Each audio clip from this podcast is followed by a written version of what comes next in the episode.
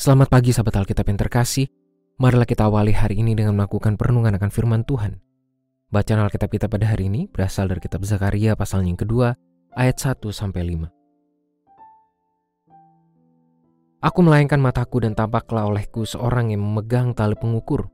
Aku lalu bertanya, Engkau mau pergi ke mana? Jawabnya kepadaku, ke Yerusalem untuk mengukurnya, untuk melihat berapa lebarnya dan panjangnya. Sementara malaikat berbicara kepadaku itu maju ke depan, majulah seorang malaikat lain mendekatinya. Ia diberi perintah, berlarilah katakanlah kepada orang muda itu, Yerusalem akan dihuni seperti kota tak bertembok karena banyaknya manusia dan hewan di dalamnya. Aku sendiri, demikianlah firman Tuhan, akan menjadi tembok berapi di sekelilingnya, dan aku akan menjadi kemuliaan di dalamnya. Yerusalem tidak hanya menjadi sebuah kota terkenal dalam kerajaan besar Israel, melainkan telah menjadi semacam simbol kejayaan dan kemuliaan ilahi bagi bangsa Israel.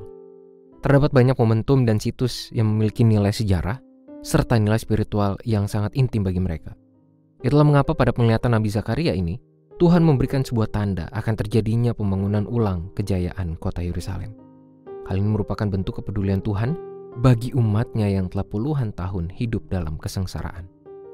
Zakaria pun menyaksikan perilaku yang begitu menarik ketika seorang pengukur melakukan survei terhadap wilayah puing-puing kota Yerusalem. Hal ini menjadi sebuah tanda tentang betapa seriusnya Tuhan untuk membangun ulang kota tersebut. Bahkan, Tuhan sendirilah yang akan berperan sebagai tembok kota Yerusalem. Tentu saja, pernyataan Tuhan sebagai tembok tidak akan terjadi secara harfiah, melainkan sebagai bahasa simbol terhadap sumber keamanan dan kekuatan kota itu yang berasal dari Sang Pencipta kehidupan itu sendiri.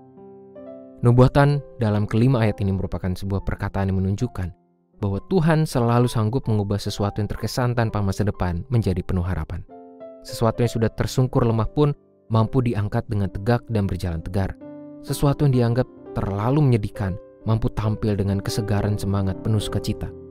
Pada nubuatan ini, sesuatu itu adalah kota Yerusalem dan hidup bangsa Israel yang akan bangkit dari keterpurukan masa pembuangan. Namun sesuatu itu juga dapat kita temui pada diri masing-masing kita. Sahabat Alkitab, permenungan firman Tuhan ini telah memberikan jaminan bahwa Tuhan sendirilah yang berperan untuk menghadirkan pembaharuan dan menjaga kualitasnya tetap optimal pada kehidupan setiap umatnya. Marilah kita berdoa. Tuhan firman-Mu pada hari ini telah menyapa kami dan mengingatkan kami memberikan kami segaran iman, dan memberikan kami sebuah kepastian untuk terus melangkah bahwa masa depan kami penuh harapan. Di tengah berbagai situasi kehidupan kami saat ini, yang membuat kami terpuruk, yang bahkan membuat kami merasa kalah. Firmanmu pada hari ini kembali mengangkat kami, mengajak kami untuk berjalan bersama-sama dengan Engkau. Mampukanlah kami Tuhan untuk melanjutkan kehidupan kami dengan selalu setia sebagai umatmu. Hanya di dalam nama Tuhan kami Yesus Kristus kami berdoa dan menyerahkan kehidupan kami. Amin.